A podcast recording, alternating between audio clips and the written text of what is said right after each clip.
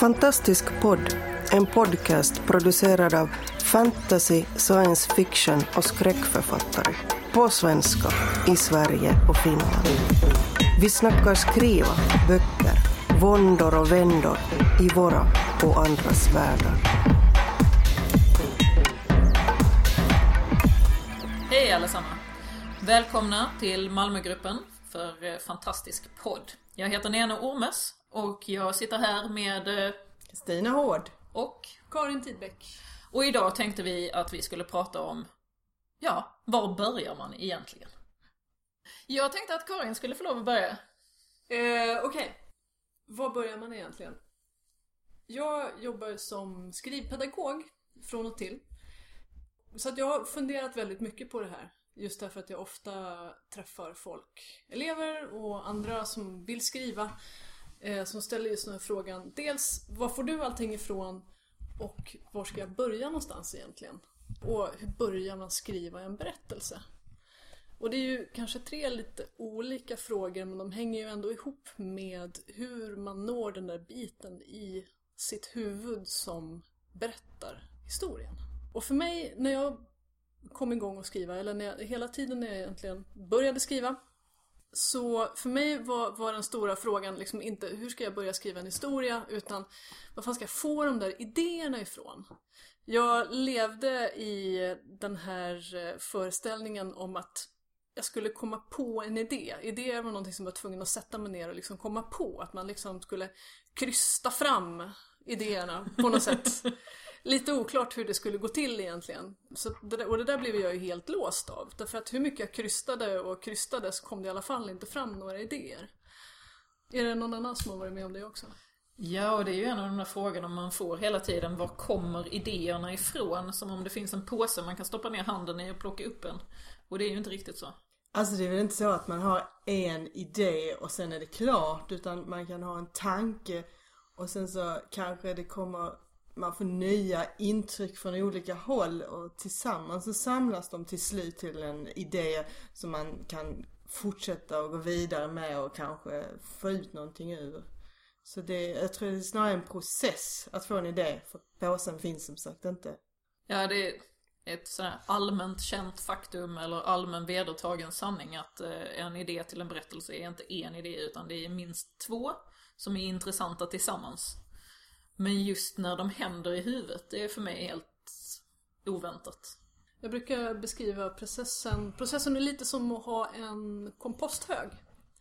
Just det här att allting, eh, allting som du ser, allting som du läser, allting som du upplever och hör blir material som läggs på den här kreativa komposthögen i skallen på dig. Och det som sen kommer ut genom pennan, det är den här sopjuicen som liksom sipprar ut i botten. Som är inte... Eh, det, det är som ett slags destillat av alla dina intryck. För folk frågar gärna också det här Vad gör du för att bli inspirerad? Och vad påverkar dig? Och vad inspirerar dig? Och det är inte riktigt rätt fråga att ställa tycker jag. Därför att det funkar inte riktigt så. Utan det ska ju igenom en förmultningsprocess. Och där någonstans kan man ju börja prata om hur får man ut, alltså hur får man tillgång till den här processen? Hur får man tillgång till sopjuicen? För det ska ju torkas upp och samlas in och, skruv, och um, vridas ner i hinken som sen ska, Förädlas den alltså. ska förädlas. Så hur förädlar du din sopjuice Kristina? Ja, jag har kanske inte riktigt tänkt på den som i de termerna. Eh, Jag kan också se att när man har en idé och man börjar skriva så kan den också förändras under skrivandet. För det är inte så att man sätter sig ner med och nu ska jag skriva exakt det utan själva Själva skrivprocessen är ju med att förädla själva idén sen och orden man sätter på den.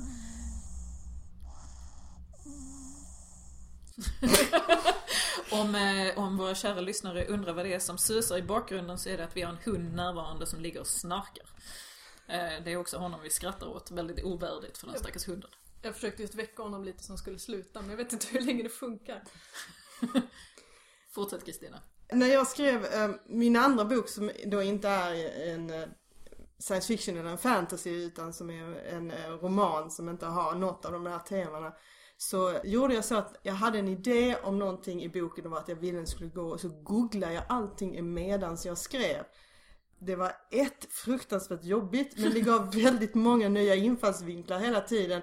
Plus att jag upptäckte att vad man än tänker så har det hänt på ena eller andra sättet någon annanstans i världen och någon har skrivit om det på internet. Det var väldigt roligt men det var också en jobbig process för att det är inte så bra att sitta och googla samtidigt som man skriver. Nej. Man tenderar att flyta iväg. Hur ser din metod ut Karin? Min metod består av eh, svammel, kan man säga. Alltså jag, ju, jag kommer ju från, eh, som jag nämnde i förra avsnittet, vårat förra avsnitt, så kommer jag ur rollspel och live och jag har sysslat väldigt mycket med improvisation. Så jag kommer ur, från den skolan kan man säga. Så när jag börjar med saker eller när jag arbetar fram idéer så består det väldigt mycket av automatskrift, rakt av. Jag gör av med otroligt mycket anteckningsböcker bara på att sitta och eh, kräkas ur mig ord.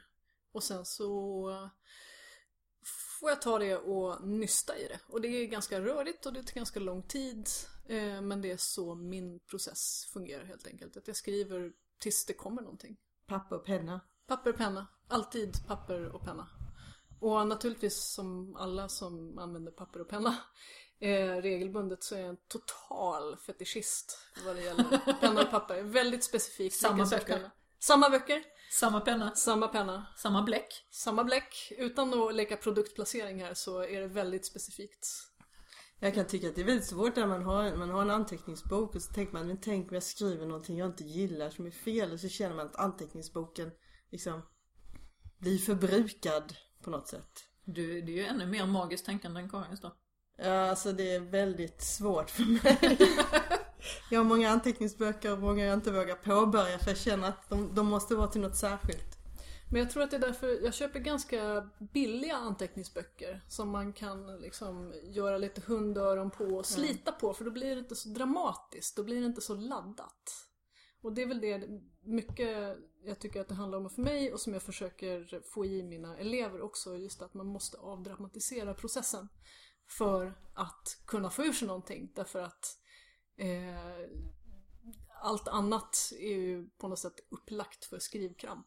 Ja men absolut också när man känner att man inte kan skriva så kan man skriva ändå för även om det blir dåligt så kan man skriva om det en annan dag. Ja, och det mesta är ju skit som kommer Mm. ut först. Det mesta är ju rent trams. Ja, Men romaner är trams gör du väldigt länge. Ja, Lena, det gör gudars skymning. Jag eh, trodde ju att jag hade en metod, men eh, den hade jag skaffat mig på författarskolan. Där man skriver saker kronologiskt, från början till slut, ett visst antal sidor inom en viss period som alla får lov att titta på. Och sen arbetar man igenom dem medan man skriver nytt. Eh, och det var en fruktansvärt dålig metod för bok nummer två, visade sig. Så allt det här omsorgsfulla bygget av att göra en metod för mig själv kraschade och brann. Och där stod jag i ruinerna och skottade aska och letade efter någon slags grund att stå på. Och till eh, tvåan trodde jag mig ha hittat ett sätt att jobba som skulle fungera för framtiden. Men när jag försökte skriva bok nummer tre i serien om Udda förra gången, jag har nu börjat om, så eh, funkade inte heller den här gången. Så det känns som om min enda pålitliga metod är att det inte är samma som förra gången. Och det är ju gräsligt. Men just det där att jag brukar kasta mig Jag brukar tänka att när jag ska sätta mig ner och skriva istället för att sitta där och känna hur ska jag börja, hur ska jag liksom formulera det här? För jag vet vad jag vill skriva, hur ska jag komma fram till det jättespännande eller viktiga? Så brukar jag skriva det som jag tycker då är jättespännande och viktigt först istället. Och sen strunta i vad som kommer innan.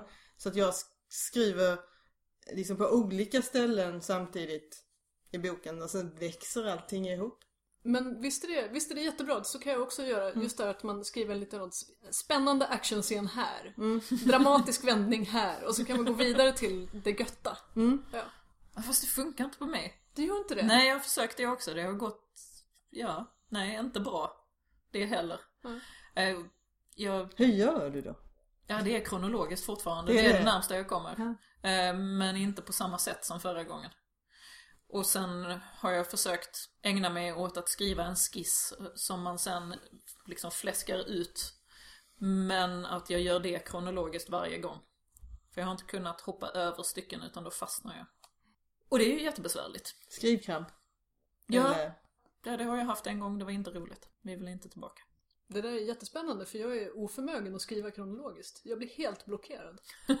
Nej men jag blir verkligen helt blockerad. Jag kan inte. Det blir liksom så tråkigt. Ja, Transportsträckorna. ja precis. Så att ofta så börjar jag skriva i slutet eller mitt i. Eller jag vet hur någonting ska sluta. Eller jag får en, en jävligt fet slutscen. Som vill någonstans, som vill ha en bakgrund. Och så får jag börja där. Men om jag skulle sätta mig ner och försöka planera det kronologiskt. Då skulle jag liksom kasta pennan och gå hem. Ja, Jag har ju scener i huvudet. Det är ju där jag hittar min idé eller min tanke om vad det är jag vill berätta. Så är det att det är färdiga scener i huvudet. Och sen så försöker jag hitta på det som händer mellan scenerna. Men om jag skriver bara de scenerna, varenda gång jag har försökt göra det, så kan jag inte skriva resten av berättelsen sen. Det är skitläskigt. Då har jag de här fem perfekta scenerna, Ja. eller perfekta inom situationstecken. Som jag vet att jag vill komma till, oftast är slutet med det. Men om jag har skrivit dem i förväg så är jag ju inom situationstecken igen då klar. Ah. Nu är jag färdig, jag har berättat den här historien, det finns ingen mening att sitta här och skriva de tråkiga bitarna. Det går inte. Det, vad fan vad spännande, därför att jag är tvärtom. För om jag inte skriver ner den där scenen så har jag glömt dem sen. Och så är allting förstört för jag kommer inte ihåg vad det där var som jag skulle skriva. Alltså jag tycker det är lättare att komma fram till scenerna om man har skrivit dem så kan man se hur de ger sig lite av sig själv. Ja fast du är en av de där läskiga människorna som gillar att redigera. Ja fast jag skriver ju när jag redigerar. ja, det är inte så läskigt. Ja, jag tycker det är jätteläskigt. Fråga till er två i så fall då. Hur, hur går det till när ni får idéer? Alltså är det en långsam process eller är det en aha-upplevelse? Alltså hur ser den begynnelseprocessen ut? Kristina till exempel. Alltså när jag kan få en initial idé så kan det nog vara att oh, det skulle vara en jättebra idé. Men sen så är processen innan det har liksom formulerat om sig till en historia kan vara oerhört lång. Eh, som Kleptomania som jag då har skrivit nu den har jag ju gått mer eller mindre med sen jag var tonåring i olika former. Oj. Eh, Och det var först nu som jag såg att den kunde, vad den kunde bli. Vilket inte alls har någonting med hur det var när jag första gången började. Eh, Jag gjorde en sån här pop-up bok. Sån här Ja. där figurerna poppar upp och sånt där. Och Det var den första versionen av den men det är ju ingenting kvar liksom. Mer än själva känslan kanske. Eh, Men det tar nog väldigt lång tid. Alla mina böcker har nog, jag går med dem väldigt länge. Jag har en historia nu som jag går med, som jag tänker jag ska skriva sen. Som jag under tiden bearbetar i huvudet. Så det är en rätt långsam process. Den roman jag håller på med just nu, eh, vid sidan av trean till Udda, är en brevroman. Där grunderna till den lades 2007. Men den som läser det jag skrev 2007 skulle inte känna igen det jag skriver nu. Så det har också tagit jättelång tid. Det är fjärde försöket att berätta den här historien. Och nu är den till och med för mig fullständigt oigenkännlig. Men jag kan se var, var de tidiga små amöberna till den här däggdjuret fanns en gång i tiden. Men var man hittar idéer, har du något? Vad man hittar idéer. Alltså men det är ju, jag har ju min kompost. Ja. Det är ju så, jag kan inte, om jag skulle gå runt och försöka hitta idéer, det är som att försöka komma på idéer. Jag skulle ju bli helt lamslagen. Eh, för mig funkar det inte så. Jag skriver ner grejer helt enkelt. Alltså det är, Och sen läser du tillbaka i det eller? ja. Alltså jag skriver ner eh, alltså med, medvetandeströmmar egentligen. Alltså att jag sitter och häver ur mig vad som till en början kan bli nonsens men som sen mynnar ut i en prosatext eller i en idé eller i flera idéer. Eh, och det är lite så det funkar för mig. Jag trodde att alla funkade så. eh, men det visade sig att så var det ju inte. Utan det är bara jag. Eller Fast inte bara kanske- jag, men, eh, men all, tydligen eh, så gör inte alla så. Det var, lite, det var lite lustigt att inse det. Men det kanske, på ett sätt och vis kanske det är ändå en liknande process. Men hur man sen tar, liksom hur det uttrycks hos personer kan vara olika. För även om jag inte skriver när jag får en idé och sen går med det i huvudet väldigt länge så går jag ju igenom olika cirklar då, vad det kan ta vägen, hur man kan utnyttja det, jag ser nya saker, kan det passas in och så vidare. Så på sätt och vis är det ju också ett sätt att eh, bearbeta det utan att ha några, Alltså olika sätt att prata med sig själv. ja, Ja. helt enkelt. Jag gör mindmaps över personliga relationer i den berättelsen jag vill skriva. Men de innehåller inte berättelsen. Utan de är pilar och påverkningar och influenser på varandra mellan, mellan karaktärer som jag redan har i huvudet. Men hur gör ni? För att ni, ni var inne på det båda två. Har ni slutet i huvudet ungefär klart innan ni liksom bör, när ni börjar skriva? Mer eller, Eller- mindre. Ganska ofta så har inte jag en jävla aning. Men, men, Men hur vet du när den är, alltså hur vet du? Kommer det under skrivandet eller är det, Alltså- kommer det som en överraskning? Oj, nu är jag klar. Alltså som det funkar, nu, och nu pratar jag i, i novellkontext kan jag ju säga. Och för mig, när, jag skriver noveller, för det mesta så handlar ju det om att en, ett fett koncept eller en scen som har dykt upp i huvudet eller en mening eller vad det nu kan vara och så börjar jag undersöka det. Och slutet och resten av berättelsen är för det mesta egentligen bara konsekvenser som jag har dragit ur konceptet. Och kommer fram till att det här ger det här och då blir det att det slutar så här. Antingen får jag göra så eller så är det någonting som ger med sig medan jag skriver historien. Så att jag skriver fram det som ska hända. Eller är bara helt enkelt benhård med att ta konsekvenserna av de villkoren som jag faktiskt redan har satt upp. Är det Men- därför... Oj förlåt. Du först Jag skulle säga, var det samma när du skrev Amatka då eftersom det är... Ja, Det det, är samma sak. Den, hela Amatka är ju alltså byggd på konsekvenserna av några få faktorer som jag har satt upp i början av berättelsen. Ja men du kunde inte se slutet innan du började utan du undersökte slutet i, genom att skriva. Ja, alltså det visade sig ganska tydligt att det kunde bara sluta på ett sätt om processerna i boken fick fortgå. Så fanns det, det var så det skulle sluta. Det fanns inget annat sätt det kunde sluta på därför att det var den processen som hade satts igång redan i början. Är det därför du föredrar att skriva noveller också? Ja, alltså på så sätt att jag tycker det är coolt att utforska koncept. Och det är en mer hanterbar storlek på den utforskandet. Ja, jag har ju så många grejer som jag vill skriva om. Ja. Så att eh, jag Och tiden är ju begränsad. Och tiden är begränsad. Jag har inte tålamod att skriva en roman om varenda idé som jag får utan jag vill liksom utforska alla de andra grejerna som jag har kommit på också. Eh, och väldigt ofta så kan jag tycka att eh, just såna här idéberättelser eller så, de håller ju inte alltid för en roman. Allting ska inte vara en roman. Allting ska inte vara prosa heller. Ibland så måste det vara en dikt istället. Har ni teman ni återvänder till när ni skriver? Kristina? Ja, eh, antagligen har jag väl det. Eh, jag förmodar det. Ehm, Eller ämnen? Jag tror snarare kanske det är att jag försöker vända på begrepp. Eh, hur tydligt det sen är i, i romanerna vet jag faktiskt inte men i Alba så handlade det väl väldigt mycket om, i ha- i Alba handlade det om att människan eh, inte kunde förändra sig utan man halkar ner i samma beteende och samma eh, tråkiga historia och allting bara återupprepar sig. Och, eh, jag tror att det är lite det jag försöker se de här Kanske att jag försöker se ah, de här kanske lite mer mörkare eller kanske lite mer eh, inte så förutsägbara sidorna hos mänskligheten. Fast man strävar åt ett håll och det kanske går åt ett annat håll. Som nu skriver jag om troll. Det har väl någon tanke om att trollen står för den där andra sidan hos, hos, hos människan som är mer oregerlig. Och du då Karin? Eh, jo, men jag har några teman som jag, som jag återvänder till som jag är lite fixerad vid. Det lustiga är att, att eh, recensenter tycker att jag har ett visst, en viss uppsättning teman medan jag tycker att jag har en helt annan uppsättning teman och det är väldigt spännande.